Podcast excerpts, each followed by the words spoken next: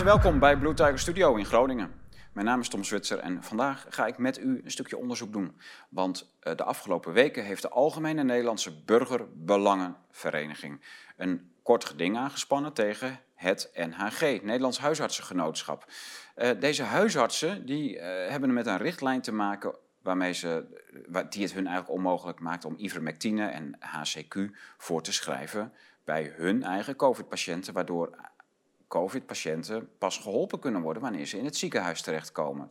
dus de huisarts kan niks doen, die heeft eigenlijk geen behandelmethode.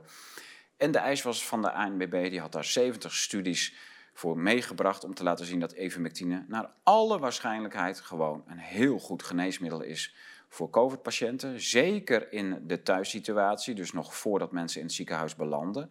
Uh, om te voorkomen dat het erger wordt en ook gewoon om te genezen. Nou, Ieder van u heeft er wel eens van gehoord, ivermectine, en ook van hydroxychloroquine, eigenlijk de voorloper van ivermectine, die, uh, waar ook goede resultaten mee zijn behaald en die ook verboden is door het NHG en door de inspectie voor de gezondheidszorg. Allemaal zaken waardoor wij dachten, we gaan even met de, het bestuurslid van de Algemene Nederlandse Burgerbelangen bellen. Uh, dat is Evert de Blok. We gaan hem bellen over het proces, natuurlijk het kort geding wat gevoerd is, de eis die op tafel lag. En over die, al die studies die ook uh, meegenomen zijn om de NHG voor de rechter te overtuigen van het nut van het gebruik van ivermectine. Maar dat is nog niet alles. Uh, even te Blok en de NHG. Uh, daar is iets heel bijzonders mee aan de hand, zo hebben wij nu al begrepen, want er uh, kwam iets bijzonders op tafel te liggen. En dat is dat bij het ja, verwerken van studies, om het zo maar eens te noemen. Dus de NHG krijgt studies aangeboden, leest die studies en verwerkt die ofwel, uh, ofwel niet ofwel wel. Als advies om uh, medicijnen te gaan voorschrijven op een bepaalde ziekte.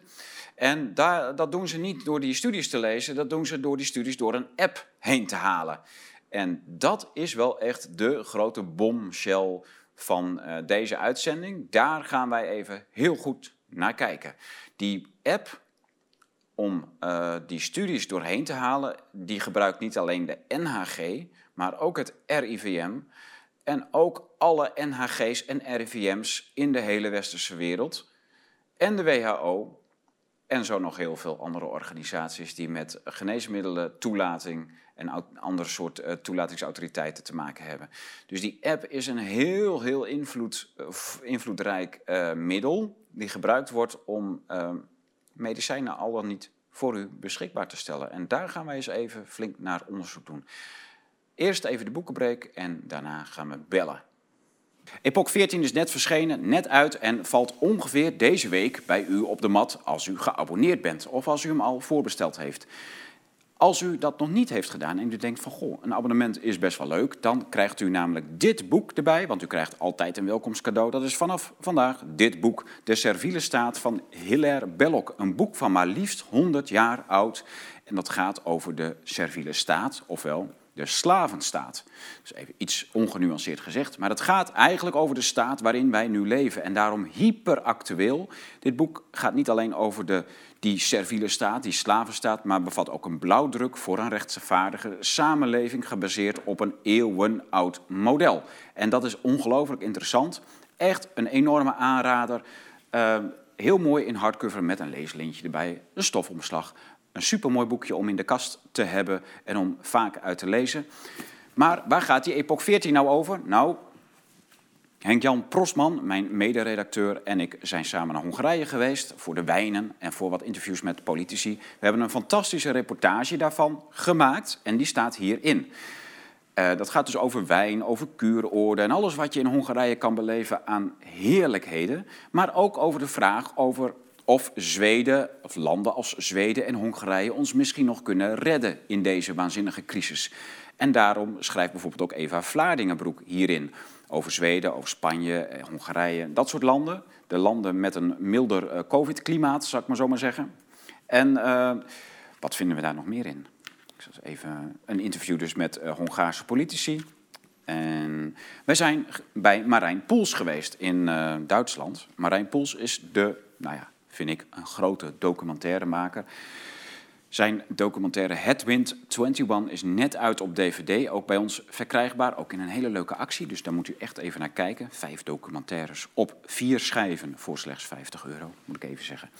Wij zijn dus naar hem toe gegaan om hem te interviewen over die Headwind 21. En dat is een lang interview geworden waarin heel veel bijzondere dingen staan die niet in de documentaire staan. Dus het is echt aanvullend materiaal op die docu. Um, het wind, hè, dus het gaat over windenergie, renewable energy. Hij legt uit waarom 100% renewable energy totaal niet kan. Nooit niet. Het kan gewoon niet. We kunnen daar niet van bestaan. En dat is een vrij technische uitleg, maar heel, heel cruciaal om te begrijpen waarom die hele hoax van renewable energy niet kan. Het is echt gewoon politieke window dressing van formaat. Nou, dat uh, voor Marijn Poels. We zijn, uh, hebben een stuk van de historicus Erik Mekking over George Soros. Uh, en Marcel Jeninga staat hier uitgebreid in. Ook heel lang interview met deze man die in Nederland het pedofielen handboek wil verbieden en ook gaat verbieden. Dat krijgt hij er doorheen. Het is hem in Duitsland al gelukt via de Bundestag. Dus heel knap. Deze Nederlandse man met zijn stichting tegen kindermisbruik... die gaat dat pedofiele handboek in Nederland verboden krijgen. Daar is hij al heel ver mee. Die staat uitgebreid geïnterviewd in Epoch Magazine. Die kunt u dus daarin lezen. En nog zowat andere uh, leuke stukken, en zoals u van Epoch natuurlijk gewend bent. En ik wil u dat van harte aanbevelen, want dit is een beetje het paradepaadje van uitgeverij De Blauwe Tijger. Um, vaste auteurs, nieuwe auteurs, we wisselen dat altijd graag af. We hebben nu een stuk muziek erin over Rachmaninov. En um, gaat zo maar door. Het is een waanzinnig nummer geworden. Kleurrijk, heerlijk om bij de kerst te lezen. En alvast een beetje voorpret te krijgen over waar u deze zomer, welk vrij land u nog voor het kiezen heeft. Ja, waar, waar kunt u dan heen? Nou, dat bieden wij u ongeveer aan. Wat Hongarije, Zweden, Spanje wellicht. Je weet het natuurlijk pas vlak van tevoren hoe dat gaat worden daar. Maar uh, het is wel uh, een tamelijke aanrader. In ieder geval. Uh, Abonneer je op Epoch, dat kan op www.epoch.media en dan krijgt u dit, een prachtige klassieke werk van Hilaire Belloc erbij, net uit, voor het eerst in Nederlandse vertaling bij De Blauwe Tijger.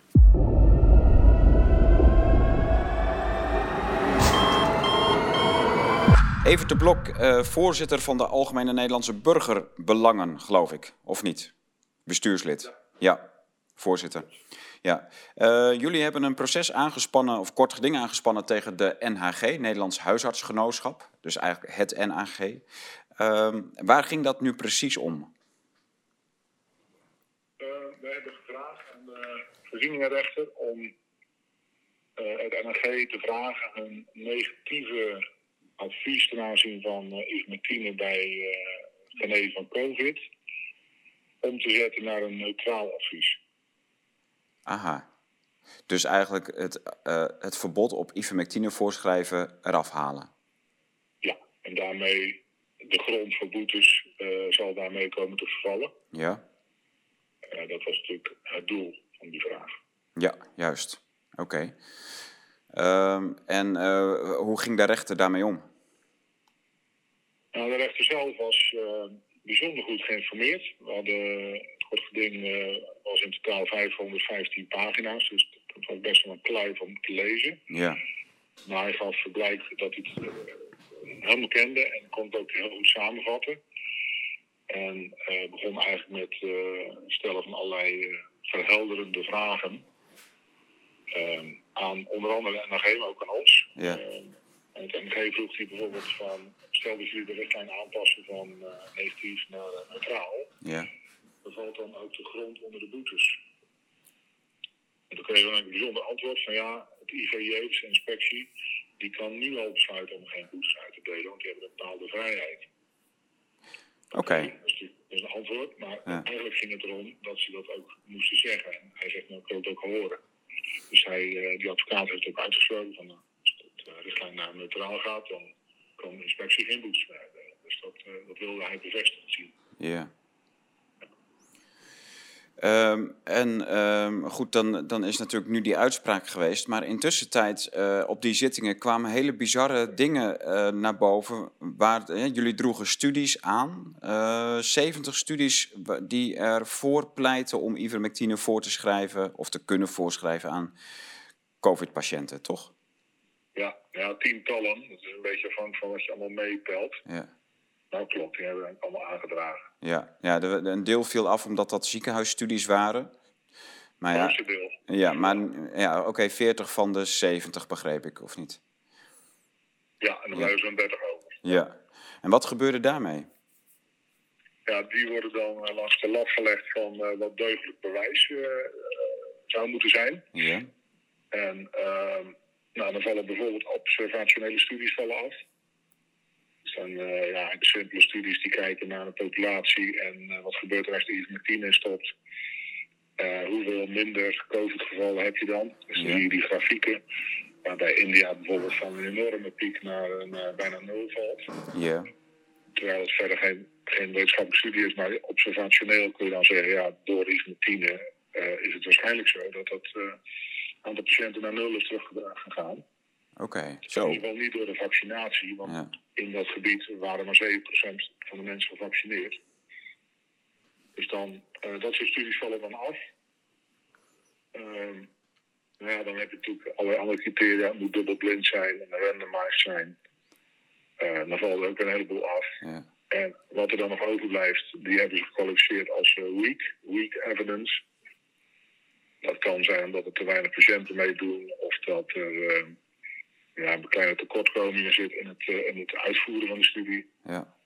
Eh, nou ja, zo zijn er allerlei criteria te, te bedenken om, om het heel moeilijk te maken om een eh, studie te laten includeren. Ja, nu heeft eh, de organisatie Zelfzorg COVID-19 eh, ook een huisartsenstudie naar ivermectine uitgevoerd de laatste maanden, heb ik gehoord. Klopt dat? Ja. Ja. ja, die is uitgevoerd door de apotheker. Ah, want die heeft zoiets van, nou, ik krijg nu heel veel recepten voor ivermectine voor COVID. En ik wil gewoon zien wat er met de patiënt eh, gebeurt. ja. Dus die resultaten hebben we ook getoond aan het eh, NAG. Overigens niet tijdens de zitting, maar pas later toen we met hen eh, in gesprek zijn geweest. Oké. En daar zie je dat, dat 60% van de mensen binnen 7 dagen, en gemiddeld 2,2 dagen, dus ruim binnen 7 dagen, dan volledig opknapt. En eh, dan blijft er nog 40% over. 30% doet er dan 7 tot 14 dagen over om op te knappen. Ja. En die 10% die overblijft, die doen er langer over.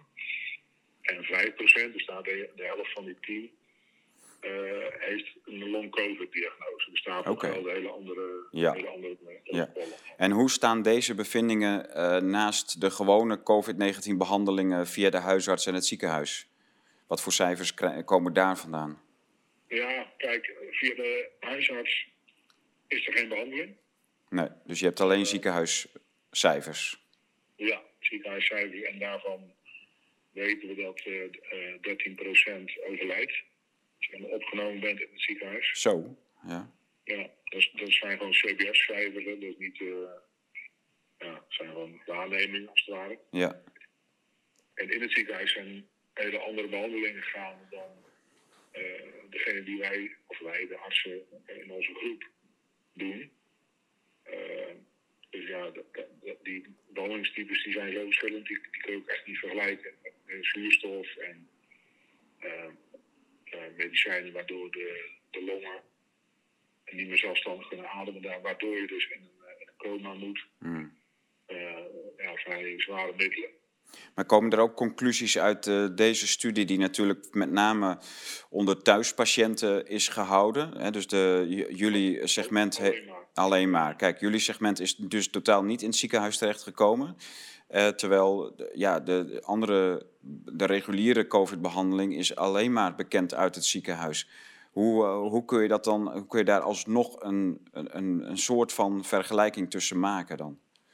Ja, het zijn bijna 2800 van die hulpvragen die behandeld zijn. Zo, Meer, eh, sinds oktober 2020. ja. En er is één thuisoverlijden eh, geregistreerd. En dat was eigenlijk iemand die terminaal was. Ja, En die was dat al. iemand- Ja, Ja. en eh, op het moment dat hij dan griep krijgt of COVID, dat maakt dan niet zo heel veel uit. Die, Mhm. die is daaraan uit aan die gevolgen daarvan overleden. Ja. Maar voor de rest is er dus niemand overleden in de thuissituatie. Zo. Eh, eh, dat, is- dat is best opmerkelijk, ja. Ja, en een deel, een deel van de eh, patiënten krijgt ook helemaal geen ehm, hulpvragers moet ik zeggen, die krijgen geen medicatie, maar die werkt gewoon puur met supplementen. Dus eh, het eerste wat de artsen proberen te doen is om het met supplementen op te lossen. Uh, zink of vitamines. Ja, is iets van 20% van die, van die 2800 mensen die zijn puur opgeknapt met uh, zink, C, D, quercetine ja. en uh, bromoxine. Ja. ja, zo, dat is interessant. Wanneer wordt die studie gepubliceerd? Uh, nou, die is gaande.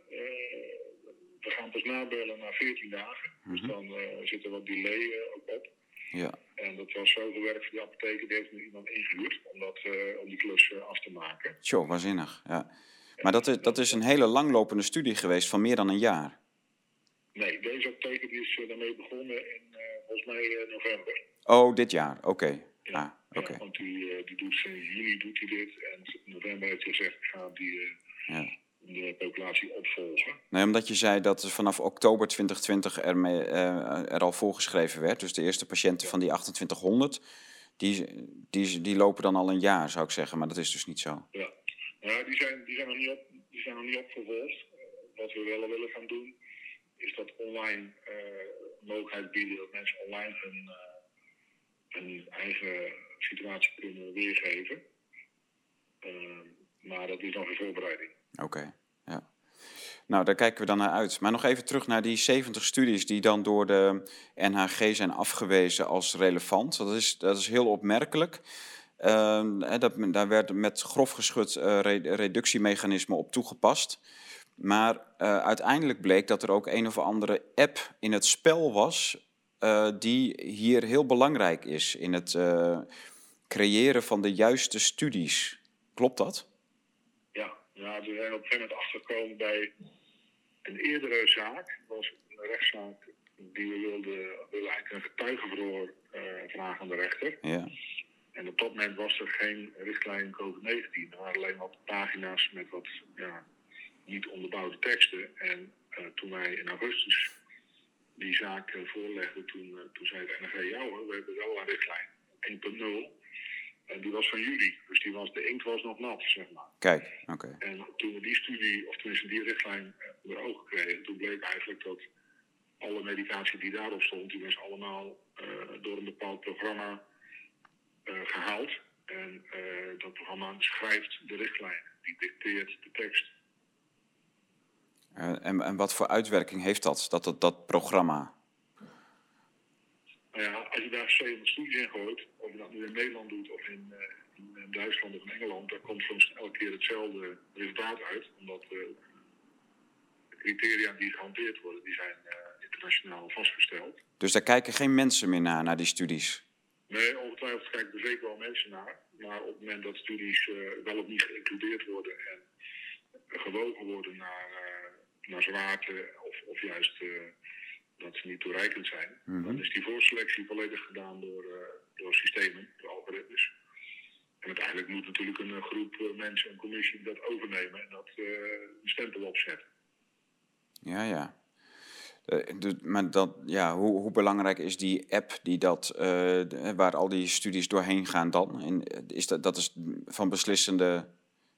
Nou, de app zelf is een implementatie van een methodologie, GRADE, methodologie. Ja. Die is al internationaal geaccepteerd. G-R-A-D-E. Ja. Great. Die, is, ja. die, die, geldt eigenlijk voor alle ziektebeelden en alle type medicatie. Dus okay. die is verder volledig gestandardiseerd. Ja. Alleen de lat daarvan ligt dus heel hoog. En in een pandemie zou je verwachten van ja, we moeten toch gezien de grote aantallen mensen uh, enige uh, ja, misschien wat pragmatischer worden of op andere manier naar bewijslast uh, gaan kijken. Want vroeger, ja. tientallen jaren geleden, waren er geen RCT's als, uh, als volwaarde. Dan werd ook okay. observationeel bewijs werd geaccepteerd als bewijs. En het grootste deel van de goedgekeurde medicatie met een marktvergunning is nooit via de RCT-methode tot stand gekomen, maar gewoon via de observationele methode. Aha, oké. Okay. Dus ook oude medicijnen die we allemaal kennen en die zijn helemaal niet RCT bewezen, maar gewoon in het verleden door uh, lichtere studies uh, goedgekeurd. Ja. En wat, wat zei je nou, nu, nou net, uh, dat FCT bewezen? Ja, Randomized Control Trials. Randomized Control Trials. Ja. RCT, ja. Ja, die nog liefst dubbelblind worden uitgevoerd, zodat Ja. de patiënt het niet weet en de arts het niet weet. En dan is elke vorm van toeval uitgesloten. Ja. En dat gaan ze juist, die, die hele strenge waterdichte criteria gaan ze dan juist in een tijd van de pandemie gaan ze extra streng toepassen, ook nog eens. Ja, Ja. toen hebben wij gevraagd van de NRG, is er nog een reden om dat in de pandemie eh, anders te doen? En toen hebben ze gewoon gezegd, nee, we doen het altijd al zo en daar houden we ons aan. Maar het is toch zo dat, dat gedurende de pandemie het, eh, de, het protocol rond ivermectine veranderd is van eh, neutraal naar afwijzen? Eh, aan het begin van de pandemie was eh HCQ toegestaan in het ziekenhuis. Ja. En dat hebben ze later eh, volledig teruggetrokken. Want toen hadden ze inmiddels studies in het ziekenhuis waaruit bleek dat het schadelijk zou zijn. Oké, zo. dat, dat was, ja, dat, dat noemen wij ook, eh, studies die zijn designed to fail. Als je mensen eh, heel hoge doseringen geeft in een heel laat stadium, Ja. dan wordt het echt gevaarlijk. En dan overlijden ze aan de medicatie. Maar HCQ is bedoeld voor eh, vroegbehandeling in een lichte dosering. Dus je kan natuurlijk met studies eh, alles bewijzen. ja. En Ja. is dat met ivermectine ook gebeurd? Nee, want ivermectine is niet zozeer. eh, er zijn nog geen design to fail studies eh, bekend. Oké. Er zijn wel eh, studies die, eh, nou ja, wat bijzondere omstandigheden tot stand gekomen zijn. Ja. En die worden dan eh, eh, ook weer aangevoerd als eh, dat alle studies niet deugen. Maar er zijn er één of twee die echt niet deugen. Hm. Maar dan wordt er over alle 70 gezegd, deugen alle 70 niet. Dus er zijn wel tegenstudies zeg maar, ingeschoten. En dat hebben ze bij HCQ natuurlijk echt met fraude, was dat in de Lancet eh, vorig jaar. Ja, ja. Dus al die 70 studies die jullie aandragen, die, mogen er niet door, die komen er niet doorheen. Maar die paar studies die zij aandragen, die komen er direct doorheen. Nee, zo bedoel ik het niet. Ah. Er zijn ook studies gedaan waarvan buitenstaanders zeggen dat die studies zijn frauduleus. Maar als dat waar is van één of twee studies van de 70, dan wil niet zeggen dat ze alle 70 niet deugen. Nee, zo, oké. Ja, ja. Ja. En op, wat, op welke basis wijzen, ze- wijzen zij dan, of de NHG wijst de um, ivermectine gebruik af? Want daar moet dan toch ook basis voor zijn? Ja, ze hebben drie studies geïncludeerd en die, eh, die eh, laten 3% minder eh, eh, ziekenhuisopname zien. Ja, En nou, op zich is dat goed nieuws. Hè? Als je van 9% naar 6% ziekenhuisopname kan, ja. dan Mooi. Kun, je, kun je stellen dat je heel veel mensen, dat is, dat is, dat is 33% reductie. ja. Ehm, bij een ander middel, bij budesonide, ging het van eh, 8,8 naar 6,8%, dus dat is 2% reductie. Eh, en dat middel is wel nu positief geadviseerd. Eh, en eigenlijk al op basis van één studie. Zo. Die ene studie die is in Engeland uitgevoerd en Ja. die was dermate goed dat die eh, eh, voor hun als bewijs gold.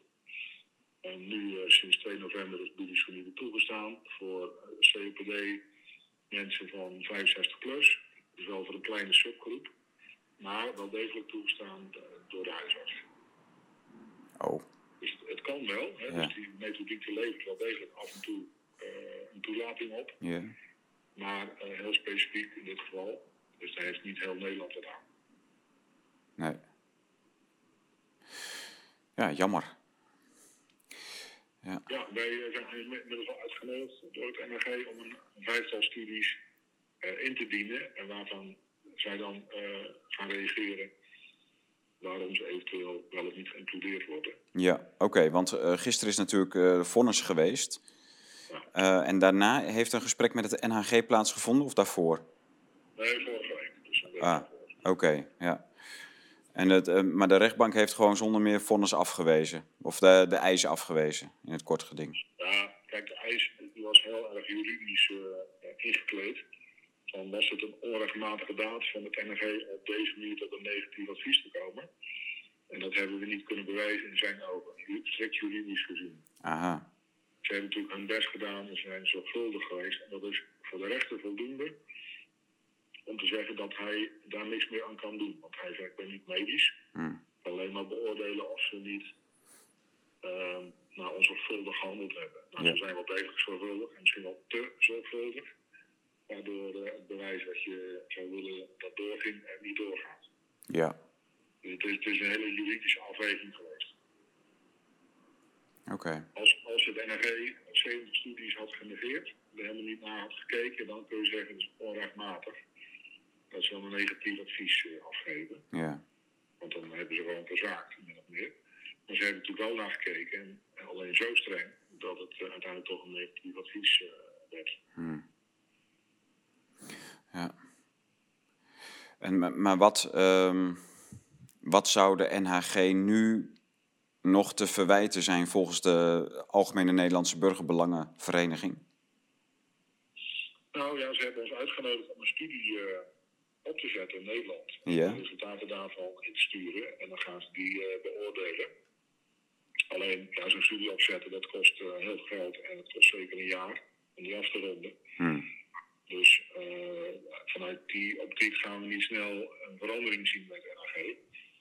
Eh dan heeft ons, ons wel uitgenodigd om vijf studies in te sturen en eh, een expertgesprek te organiseren. En we hebben hulp gezocht bij Pierre Corey eh, in de USA en bij Tess Lorry in, Engeland.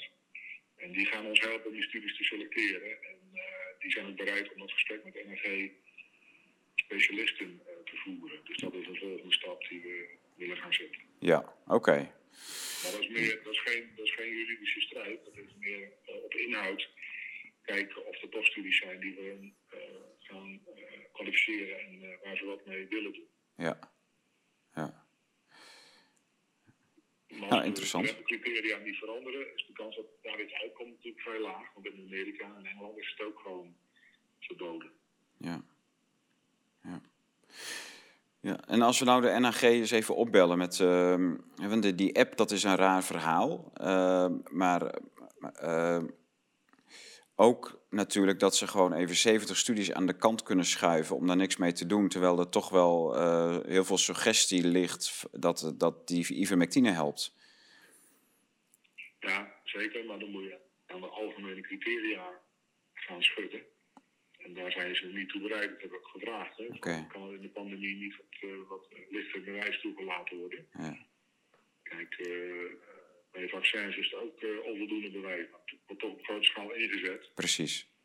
Dus daar worden de teugels op gevierd. Ja. En bij medicatie niet. Maar het ene sluit het andere ook uit, hè, dus het is, het is een keuze. Ja. Oké. Terwijl Nou. wij als argument hebben van ja, of je nou wel of niet gevaccineerd bent, als je ziek bent, dan wil je graag beter worden met medicijnen. En Ja. Dus wij zijn niet pro of eh, tegen een vax, eh, dat wordt ons in de mond gelegd. Ja. Maar we focussen alleen maar op werkzame medicatie. Ja, oké. Ja, ja het- dat is toch een, eh, ook een algemeen uitgangspunt eh, in de gezondheidszorg. Dat je al, bij een ziekte, als er een medicijn is, ga je niet vacci- vaccineren, maar ga je het medicijn gebruiken of niet? Ja, klopt. Er zijn landen waar het ook eh, bij wet verboden is. Dus als er werkzame medicatie is, dan mag, het, eh, mag de vergunning eh, van het vaccin niet worden afgegeven. Oké, En dat hangt natuurlijk, eh, het sluit elkaar echt, echt uit. ja. Oké. Het een of het ander. Ja. Even te blok, bedankt. En wij gaan dus even bij de NHG polsen wat daar eh, allemaal aan de hand is. Ja, succes dan. Ja, bedankt hoor. En sterkte.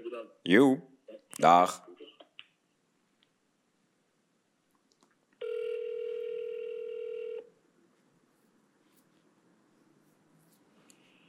Goedemiddag Met Sylvia. Goedemiddag, Tom Zwitser van eh Blue Tiger Studio in Groningen.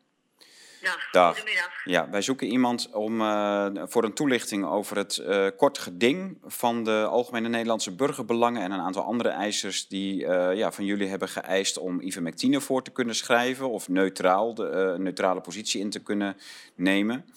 Ja, dat- De rechter heeft gevonnist gisteren. Oké, dan kunt u best even een mailtje sturen naar het secretariaat van het Raad van Bestuur. Ja, maar ja, is er niet iemand, niet een, iemand die daar even op commentaar, op, kan, commentaar op kan geven? Nou ja, ik, ik kan u wel anders iemand eh, de perslijn even een telefoonnummer eh, van geven. Graag. Ja, Oké. helemaal. Ja, dank u wel. dank u. Dag.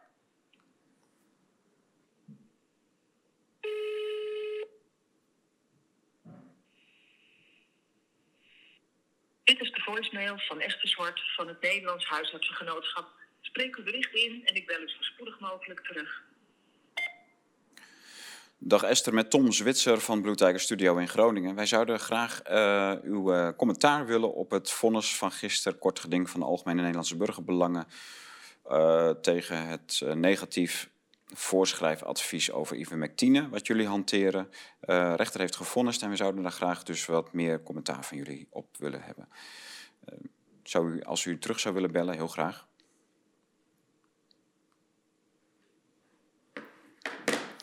Nou, moeilijk, moeilijk. We krijgen de NHG niet te pakken. Ja, goed, we proberen het nog een paar keer. Wat heel opmerkelijk is in dit geval, is dus die app waar we het al eerder over hadden met Evert de Blok. Die app, dat is Magic, uh, zo heet die, de Magic app. En dan zal ik de volledige naam uh, van de, het bedrijf eens even opzoeken die dat maakt. Dat is de Magic Evidence Ecosystem Foundation. Een foundation die is gevestigd in Oslo in Noorwegen. Deze app die is gebouwd om het zogenaamde evidence-based medicine model uh, te methodiseren en structureren, zodat men overal ter wereld de, alle studies erin kan gooien. En uh, ja, dat, daar zitten allerlei uh, parameters in waarbij die studies al dan niet afgewezen of goedgekeurd worden. En natuurlijk de menselijke factor heel erg uitschakelt. En ja, als men daar tegen in wil gaan, in een land die de richtlijnen van deze app, ja, die daarvan afwijkt, dan moet men daar dan weer heel zware gronden voor hebben. En dat valt dus op. En dat, is allemaal, dat zijn allemaal van die drukmiddelen. Deze app is in alle westerse landen uh, gebruikelijk. Dus die is al sinds 2010 gebouwd en in gebruik. Daar hebben we even wat eh, over opgezocht, want het is een foundation. Het is een stichting gevestigd in Oslo die die app bouwt. En de mensen die daarachter zitten, die zitten dat zijn professoren van de Universiteit van Oslo. Dan wel van het Noorse Volksgezondheidsinstituut, Instituut voor Volksgezondheid. Is de uh, Noorse variant van het RIVM. Um, en zo nog een aantal van die uh, medische instanties, de WHO zit erbij, is erbij betrokken. En dat is echt dus zo'n kartel-app. Dat is ergens, komt dat uit de gekrochten van, van die hele grote, zware medische instanties. Uh, van westerse overheden, maar ook van de WHO. En al die banden zijn zeer duidelijk te zien. We hebben, een paar, uh, ja, we hebben even een paar dagen uh, nagetrokken wat er allemaal achter zit. Rechtstreekse geldstromen zijn niet traceerbaar van deze stichting, dus daar werken wij nog aan om die boven tafel te krijgen. Wat wel boven tafel komt, zijn allerlei hele zware financiële banden tussen bijvoorbeeld de Bill en Melinda Gates Foundation en dat Noorse Instituut voor Volksgezondheid, het Noorse RIVM, net zoals de Bill en Melinda Gates Foundation hele sterke financiële banden hebben met het Nederlandse RIVM. Uh, zo ook de WHO met dat Noorse RIVM en natuurlijk ook met het Nederlandse RIVM. In ieder geval, deze app die door uh, deze Noren gebouwd is, en dan hebben wij even een uh, screenshot gemaakt van degene die dat doen. Ja, daar, daar hebben we hem. Um, deze meneer die heet Peer Olaf Wandvik, en, uh, een Noor. Dat, hij is uh, professor aan de Universiteit van Noorwegen. Hij is helemaal gespecialiseerd in evidence-based medicine. Een ongelofelijke vleugelterm die ongeveer 20 jaar geleden opkwam en uh, enorm ja, gelift werd door de grote instanties als een soort nieuw model van waarop medicijnen goedgekeurd moeten worden en behandelmethoden. dus dat moet evidence-based zijn, moet bewijs zijn. Nou, en aan die bewijzen kleven dan zulke zware eisen. Zulke zware eisen dat de meeste medicijnen die wij al jaar en dag gebruiken, de meeste vaccinaties die wij al tientallen jaren geven aan kinderen, nooit aan deze voorwaarden hebben voldaan. De vaccinaties van eh, COVID-19 voldoen daar überhaupt niet aan, aan deze zware voorwaarden. Um, en uh, ja, ivermectine is dus vanwege dat model afgewezen. Dus deze app die gebouwd is, Magic App, die, uh, die wijst dus 70 studies af om de NHG te kunnen overtuigen die ivermectine eh, om dat verbod op ivermectine eraf te halen voor de huisartsen. Dus deze Evert de Blok uh, die is dus zo, zowel betrokken bij de Algemene Nederlandse Burgerbelangen, maar ook bij het platform Zelfzorg COVID-19, waar heel veel artsen en apothekers aan verbonden zijn en die dit experiment hebben gedaan en die dus aan deze studie werken waar we het over hadden.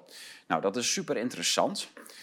Uh, waar de Blok over klaagde was het feit dat er überhaupt heel streng werd omgegaan met ivermectine. Totaal onnodig in de tijd van pandemie.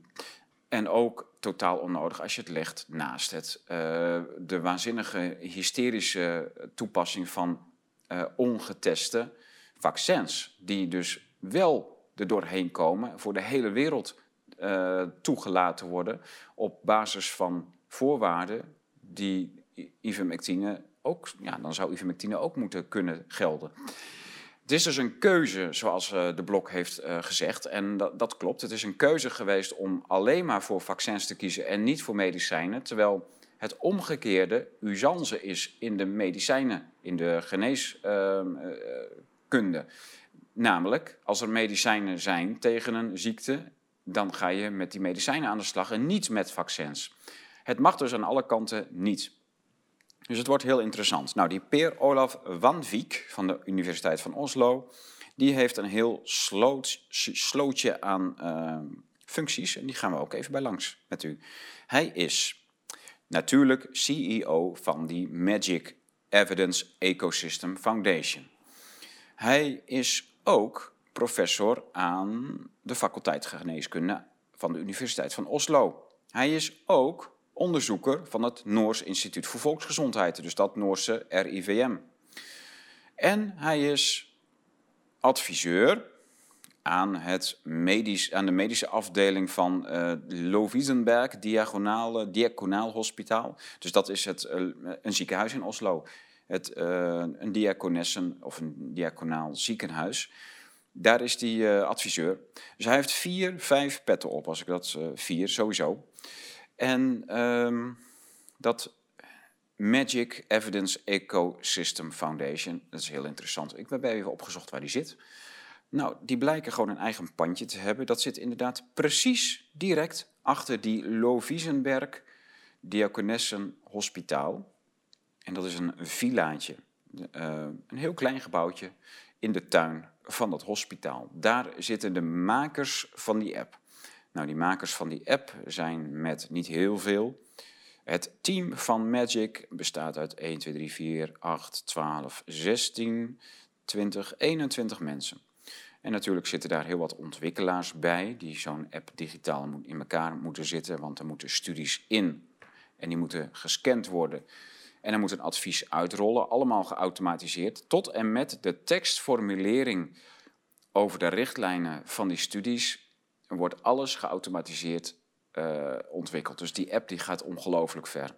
Je hoeft, eigenlijk is het een robot waar verder niemand meer mee iets mee hoeft te doen.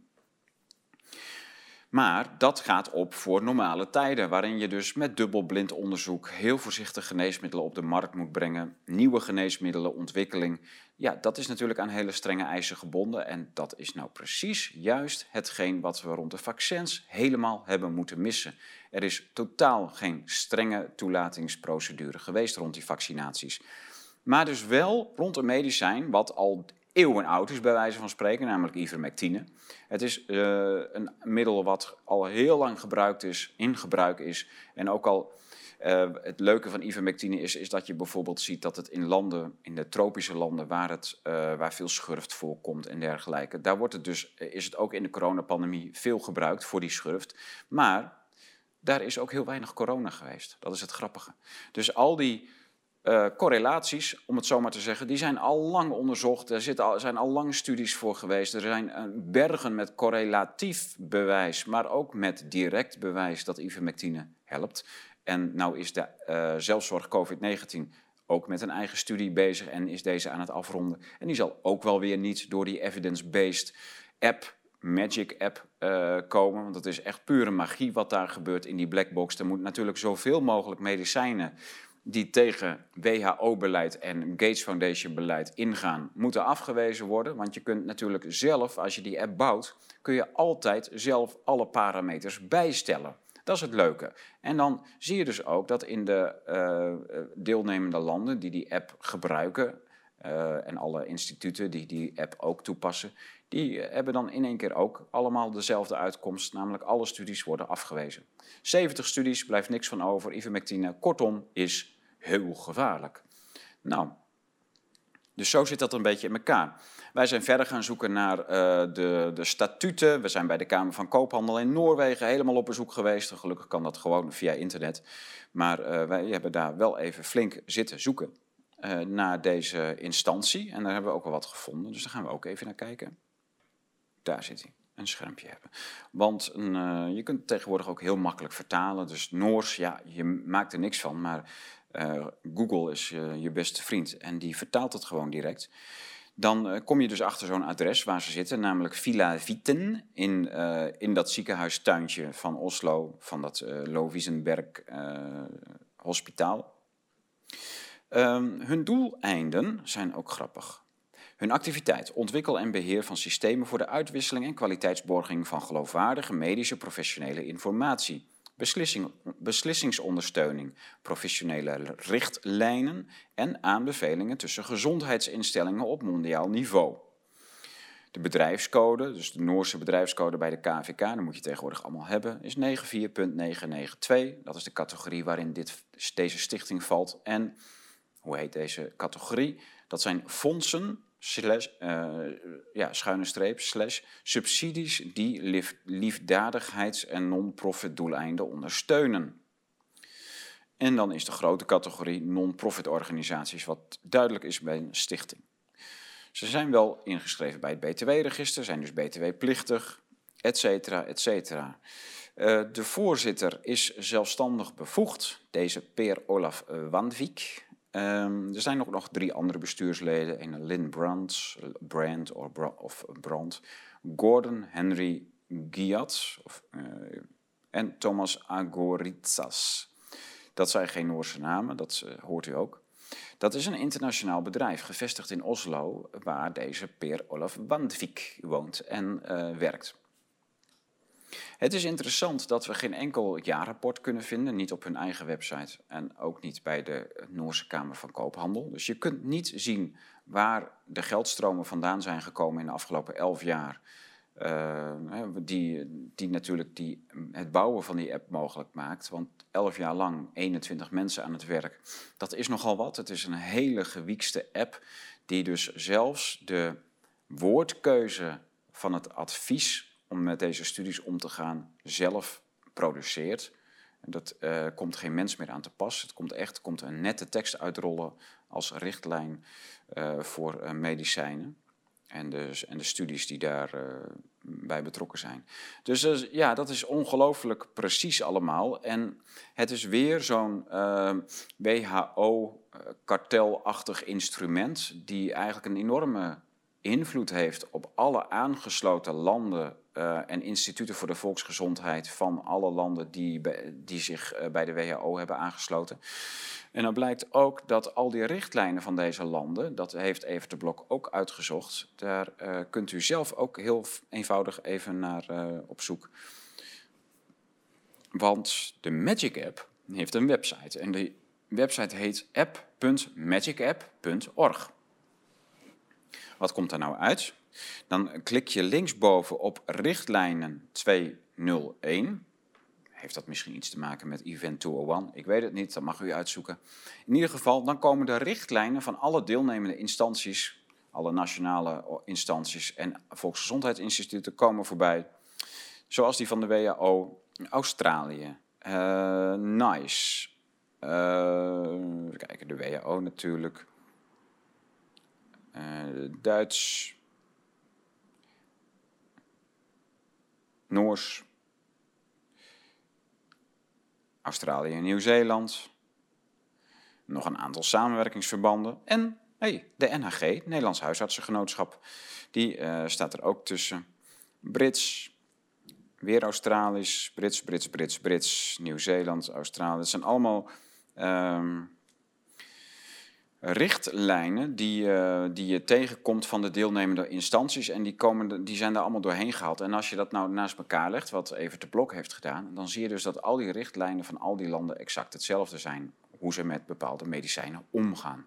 Behalve een aantal landen die niet bij deze Magic App zijn aangesloten. Bijvoorbeeld Mexico heeft een afwijk, afwijkende richtlijn. Puur omdat ze natuurlijk die studies niet door deze app halen en hun advies ook niet van deze Magic App laten afhangen. Dat is dus super interessant en ongelooflijk belangrijk, de rol die deze Magic App, de Magic Evidence Ecosystem Foundation, speelt. En dat is maar een heel klein dingetje, niemand wist ervan. Tot Evert de Blok er dus achter kwam dat deze app een hele grote rol speelt. En natuurlijk kunnen er dan nog steeds mensen zijn die de beslissingen nemen en mensen zijn die hun handtekening zetten onder de besluiten. Maar basis hiervan is dat deze app de studies controleert en uh, verifieert en falsifieert uh, om medicijnen te kunnen gebruiken. Wat dus de reden is geweest dat ivermectine nog steeds niet in Nederland door huisartsen voorgeschreven mag worden. En de inspectie heeft dat overgenomen en beboet huisartsen met hele hoge boetes als ze dat wel doen. Nu heeft de zelfzorg COVID-19 dus een eigen studie opgezet. Een praktische studie, dus op, uh, met behulp van een aantal huisartsen en een aantal apothekers. Die komt binnenkort publiek, hopelijk. En dan kunnen we het er weer over hebben, want het is heel belangrijk. Het mooie wat uh, de Blok dus net zei, was dat hij 2800 patiënten had die behandeld zijn met uh, ivermectine. En daarvan is één overleden die al terminaal was. Eén patiënt is overleden die ivermectine gebruikte en uiteindelijk toch is overleden in, tijdens een COVID-besmetting. dus dan spreken we over een, uh, hoe noem je dat ook alweer, een uh, uh, onderliggend lijden. En je, je overlijdt niet door corona, maar met corona. Dus, daar zal het dan op uitdraaien. Dus 2800 patiënten zijn wel genezen van corona. En de meeste ook nog in een paar dagen tijd. Um, ja, dat is interessant. Dus daar zit nog heel veel, eh, daar komt nog een vervolg op met uh, zowel de blok als met de NHG. We gaan, dat, uh, we gaan de NHG nog aan de tand voelen, kijken of ze nog terugbellen of toelichting willen geven. En zeker aangaan het gebruik van deze Magic Evidence Ecosystem Foundation, die zo belangrijk is voor het verwerken van studies. En dat hele principe van evidence-based medicine, wat dus niet wordt toegepast op de vaccins en wel op het medicijn wat wel helpt, ivermectine. Nou, bedankt voor het kijken. U hoort de volgende update vast heel snel. Tot ziens.